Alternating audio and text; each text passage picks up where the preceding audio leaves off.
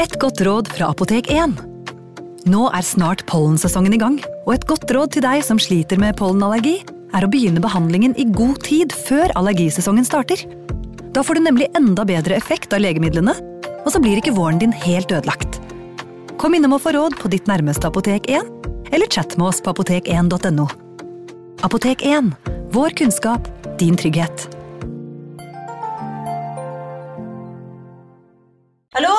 Jeg kommer fra Oslo politikammer. Ine Jansen er purk. Er du purk? The motherfucking bitch. Alt jeg vil, er å finne ut hva som skjedde med mannen min. Jon Carew. Er jeg sikta for noe? Iben Akeli. Det er du. Ole So, Lars Berrum og Big Daddy Karsten. Hvem sin side er du på, egentlig? Anette Hoff, Tone Danielsen, Kommer du fra Afrika? Jørnis Josef, Nesten kløfta. Trond Espen Seim, Det er synd å si det, men det var feil mann som døde. Purk. Premiere tirsdag på TV2 Play. Ungsamtalen fra DNB er økonomisk veiledning tilpasset deg som er ung. Bokk en ungsamtale på dnb.no. slash ung. Det er kjempebra hvis du skal inn på boligmarkedet, hvis det er drømmen din, liksom. Det er det du skulle sagt. Og så kunne du ropt litt mer, da, sånn som jeg gjorde. Bam! Advarsel. Denne podkasten inneholder skildringer av ekte drap og kriminalsaker som kan være støtende for enkelte. Det advares også mot sterke inntrykk i deler av episoden.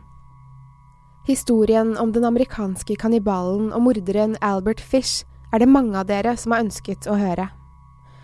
Albert Fish var en av de verste barnemorderne gjennom historien, og i den forbindelse kan denne episoden være ubehagelig å høre på. Selv om jeg ikke kommer til å gå veldig detaljert inn i skadene på barna eller skildringer av overgrep, vil det fortsatt nevnes situasjoner der barn skades. Derfor ønsker jeg at du heller velger en annen episode enn denne, om du blir ekstra berørt av saker som omhandler barn. Videre lytting til denne episoden skjer på eget ansvar. Når det er sagt, velkommen til True Crime Podden.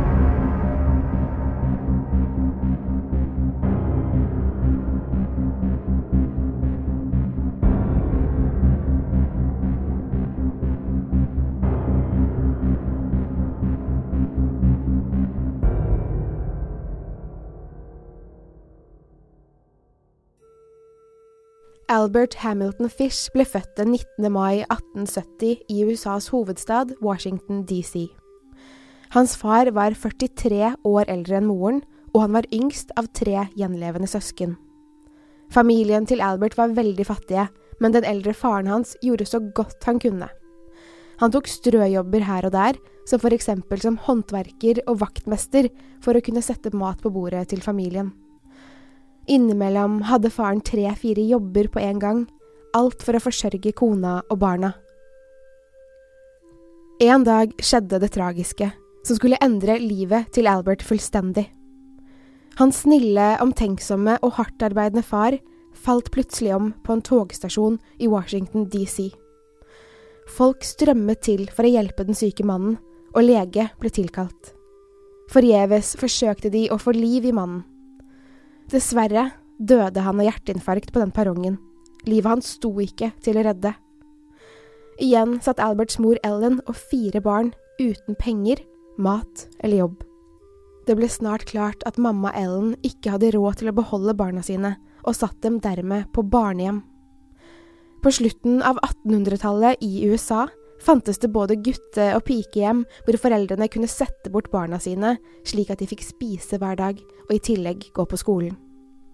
Flere av disse hjemmene ble drevet av forskjellige kirker, og siden de var under Guds beskyttelse, ble ikke barnehjemmene kontrollert skikkelig av myndighetene. Mange barn møtte dessverre grusomme skjebner i disse hjemmene, i form av vold, misbruk og vanskjøtsel. Søsknene i familien Fish kom på forskjellige barnehjem og var plutselig alene uten å kjenne noen. Yngstemann Albert, som egentlig var døpt Hamilton, ble mobbet av de andre barna på barnehjemmet. De kalte ham Ham and Eggs. De sang sanger til han og lo av han hver gang han ble sint eller lei seg. Albert hatet dette, både kallenavnet og syngingen, og ba dem til slutt kalle han Albert. Navnet Albert tok han etter sin eldre bror, som døde brått da han var liten. Fra da av het han Albert Fish, et navn som i dag forbindes med tortur, voldtekter, kannibalisme og drap. Albert Fish ble slått og pisket på barnehjemmet, både av de ansatte og barnehjemsbarna. Han var liten og et lett bytte for de andre barna. De fikk lite mat på hjemmet og var ofte syke. Flere barn forsvant plutselig og ble aldri sett igjen. Det fantes ingen trygghet på barnehjemmet, ingen voksne personer som viste barna omsorg eller trøstet dem. Etter bare noen måneder på barnehjemmet oppdaget Albert at han faktisk likte smerte. Han selv beskrev det senere som om at han fikk en varm og behagelig følelse inni seg etter at han ble slått med pisk eller belte. Han begynte å gjøre ting han ikke fikk lov til, bare for å få straff. Da Albert ble eldre og kjønnsmoden, begynte han å få ereksjon hver gang han ble slått eller hadde det vondt. Han begynte å forbinde smerte med seksuelle handlinger. Albert var ikke eldre enn tolv år da han gikk inn i et forhold med en litt eldre gutt. Albert var veldig forelsket i denne gutten og gjorde alt han ba om, og Albert begynte å eksperimentere seksuelt. Det var denne kjæresten som introduserte ham til kropofili og urofili. Det vil si å innta avføring og urin som en del av en seksuell handling. Etter hvert begynte han å dra til lokale bad for å se gutter kle av seg og være nakne, noe han faktisk brukte mye tid på i helger. Etter noen år på barnehjemmet fikk Alberts mor Ellen endelig jobb, slik at hun hadde råd til å ta barna sine hjem igjen. Men det var for sent. Dessverre hadde årene på barnehjemmet gjort stor skade på Albert, men også på søsknene hans. En bror og en søster av Albert var så psykisk nedbrutte etter oppholdene på forskjellige barnehjem at de måtte legges inn på psykiatriske sykehus. På slutten av 1800-tallet var behandlingen av psykisk helse dessverre veldig eksperimentell, og de to søsknene kom aldri ut derfra. Albert derimot bodde en periode hos moren sin, men var også sterkt preget av det han opplevde på barnehjemmet. Han fortsatte sin destruktive livsstil ved å jobbe som prostituert. Han hadde et umettelig behov for sex, og følte at han ikke fikk nok, selv om han jobbet som sexarbeider. Han begynte derfor, ved 20 års alder, å voldta gutter han møtte på gaten. Albert gikk som oftest etter utviklingshemmede barn eller afroamerikanske barn, da han, sjokkerende nok, mente at de aldri ville bli savnet av familiene sine. Alberts mor ønsket at han skulle gifte seg, og arrangerte et ekteskap med en ni år yngre kvinne. Han prøvde ved flere anledninger å få sin kone til å være med på de seksuelle preferansene hans, men kona var meget troende og nektet å gjøre som Albert sa. Likevel fikk de seks barn sammen. Det ryktes om at Albert slo sine egne barn med planker og belter for egen nytelse, men Albert selv fornektet akkurat dette. Ekteparet Fish hadde lite penger, og siden Albert ikke hadde tatt noen utdannelse etter årene på barnehjemmet, klarte han ikke å finne jobber som betalte nok til å forsørge familien på åtte. Istedenfor å jobbe underslo Albert penger fra forskjellige forretninger. Etter hvert ble underslaget oppdaget, og Albert ble arrestert for dette. Han ble dømt og måtte sone straffen i Sing Sing fengsel. Albert så riktignok ut til å ha det greit i fengsel, han hadde annet sex med flere menn under fengselsoppholdet. Da Albert hadde sonet ferdig dommen i Sing Sing, tok han småjobber som maler. Han likte best å male hus der familier med barn bodde, og misbrukte gutter i flere av nabolagene han jobbet i. På denne tiden var han i nok et forhold med en mann, og bodde ikke lenger sammen med kona og barna. En dag dro Albert og den nye kjæresten på museum, hvor Albert så en figur av en dissekert penis laget i voks. Etter å ha sett dette fikk han en ny besettelse – kastrering. Besettelsen gikk så langt at han en kveld bandt kjæresten sin, som var en utviklingshemmet mann, fast i noen rør i garasjen. Albert ville prøve å kastrere ham. Heldigvis kom mannen seg unna med hele kroppen i behold, og så aldri Albert igjen.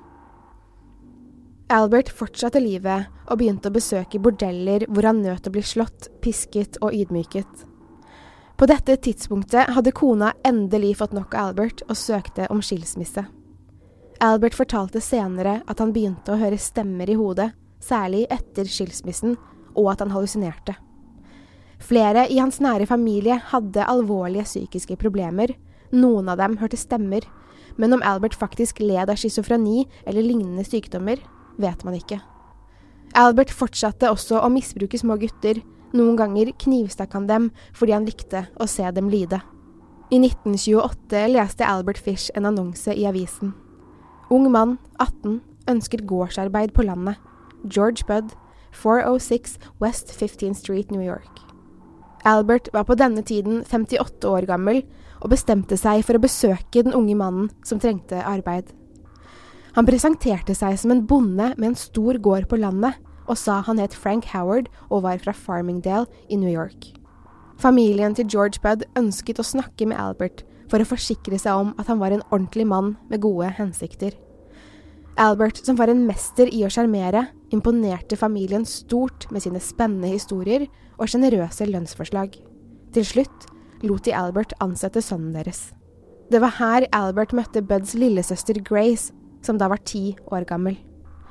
Han syntes Grace var veldig søt, og begynte å legge planer for hva han ville gjøre med henne.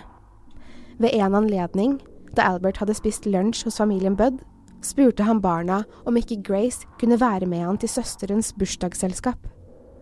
Foreldrene syntes egentlig at forslaget var litt rart. Hvorfor skulle en eldre mann ha med seg en tiåring han ikke kjente særlig godt, til søsterens bursdagsselskap.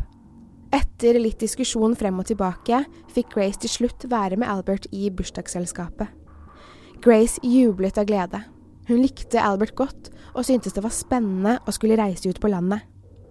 Hun gledet seg til å spise kake, fortalte hun familien sin. Grace og Albert dro fra familien Buds leilighet på Manhattan samme kveld.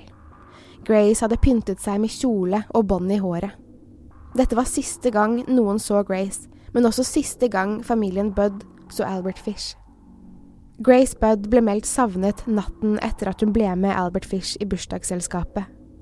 Siden foreldrene hennes ikke visste hvor Alberts søster bodde, ble letingen vanskelig. Det de ikke visste, var at Alberts eneste søster lå lenket fast i en seng på et psykiatrisk sykehus. Politiet lette lenge etter lille Grace men de fant henne aldri. De trodde kanskje hun var kidnappet, og lette derfor etter den mystiske mannen som hadde tatt henne, men forsto snart at mannen hadde brukt falsk identitet. Politiet fikk overraskende nok et brev fra en kvinne som hevdet at hennes eksmann var den som hadde kidnappet Grace. Hun forklarte i det vide og det brede om hva eksmannen hennes hadde gjort, og politiet bestemte seg for å snakke med denne personen. Mannen ble arrestert og avhørt i timevis om forsvinningen. Han satt 108 dager i fengsel før han ble frikjent i retten. Det viste seg at ekskona ønsket å ta hevn på eksmannen sin fordi han hadde forlatt henne for en annen. Syv år etter forsvinningen fikk Grace sin mamma et brev i posten. Hun var analfabet, dvs. Si at hun ikke kunne lese eller skrive, og måtte derfor få noen til å lese brevet for henne. Brevet var fra ingen annen enn Albert Fish. Han var ikke veldig god til å skrive, så brevet hadde flere stavefeil og meget korte setninger. Likevel var innholdet i brevet så forferdelig at moren til Grace besvimte da hun hørte hva det sto. Jeg kommer nå til å lese brevet, oversatt av meg, og noe forkortet. Kjære Mrs. Budd. I 1894 jobbet en venn av meg som dekksgutt på båten Steamer Tacoma som seilte fra San Francisco til Hongkong. I Hongkong gikk min venn i land sammen med to andre. De drakk seg fulle, og da de kom tilbake, var båten borte. På denne tiden var det hungersnød i Kina, og kjøtt var veldig dyrt.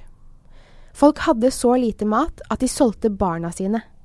Særlig var barn i alderen 12 til 14 år ettertraktet.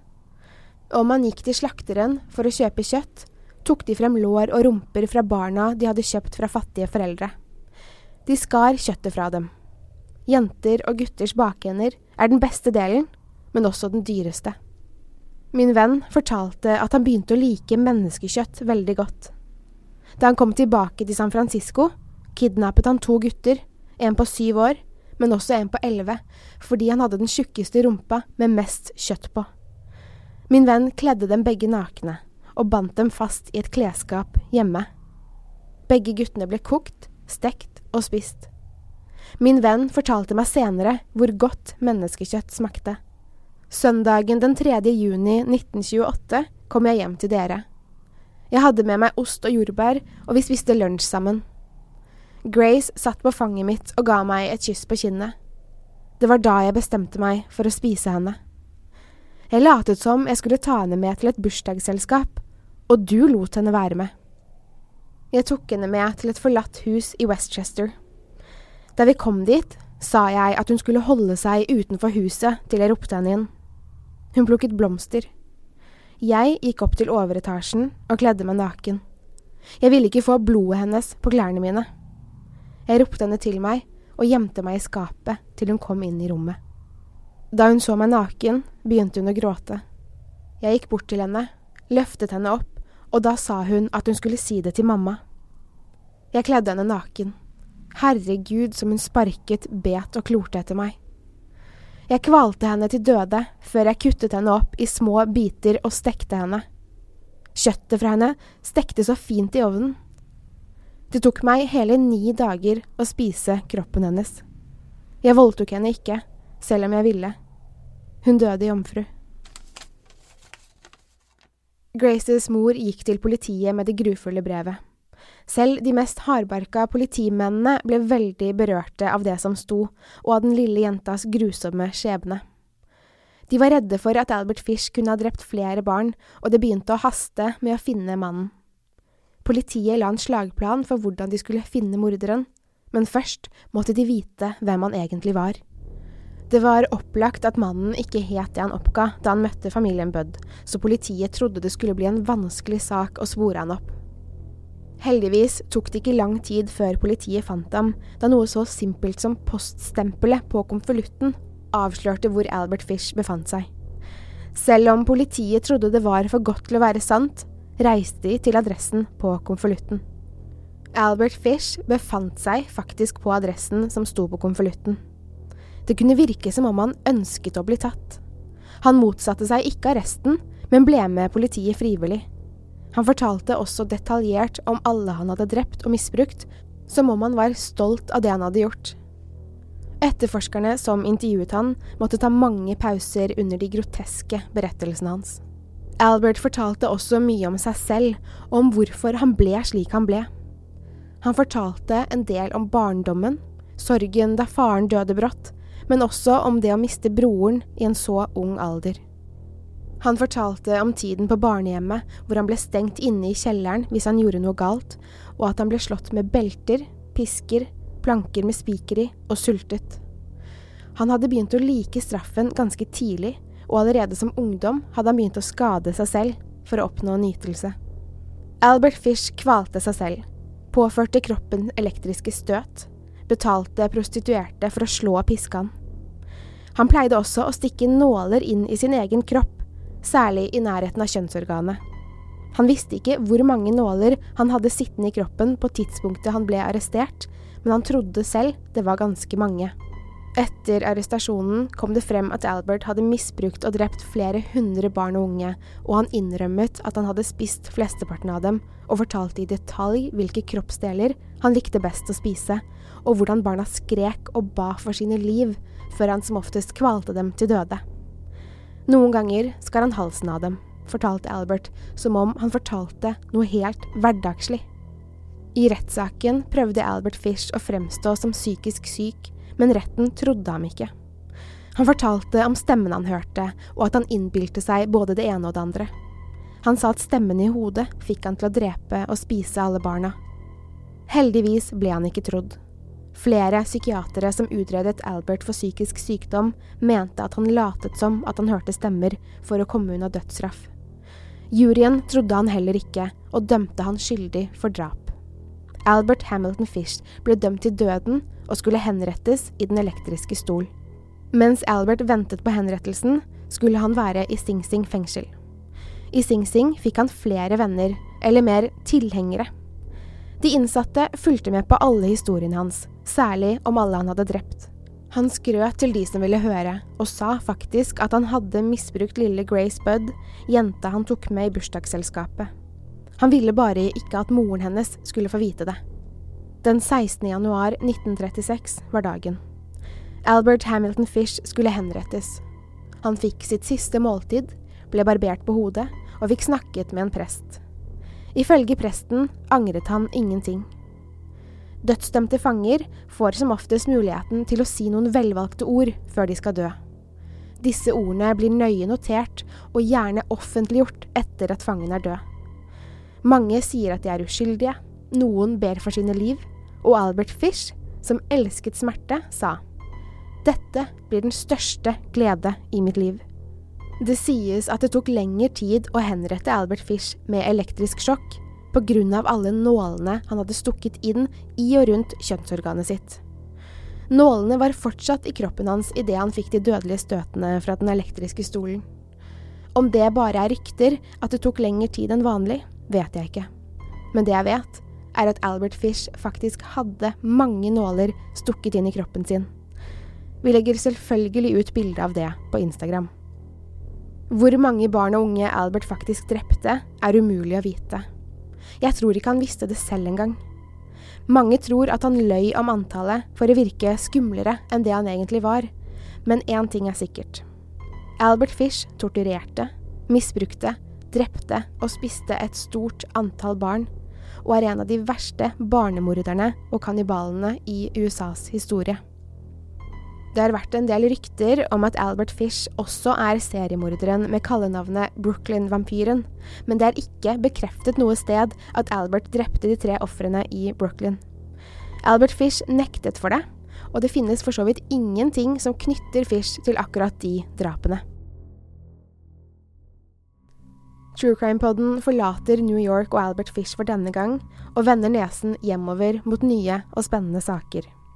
Som nevnt legger vi ut bilder fra denne episoden på Instagram, der vi heter True Crime Norge, og på Facebook, hvor vi heter True Crime Podden.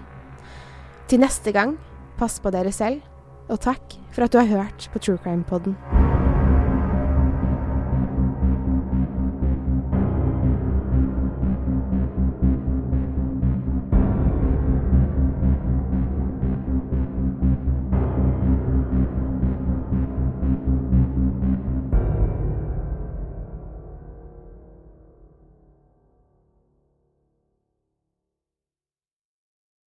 Har du et enkeltpersonforetak eller en liten bedrift? Da er du sikkert lei av å høre meg snakke om hvor enkelt det er med kvitteringer og bilag i fiken, så vi eh, gir oss her, vi.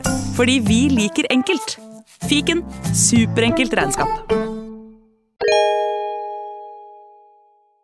Hei! Takk for at du lytter til True Crime Podden. Skulle du ønske at du kunne høre en ny episode av denne podkasten hver eneste uke? Vel, da er det bare å laste ned podkastappen Untold med en gang.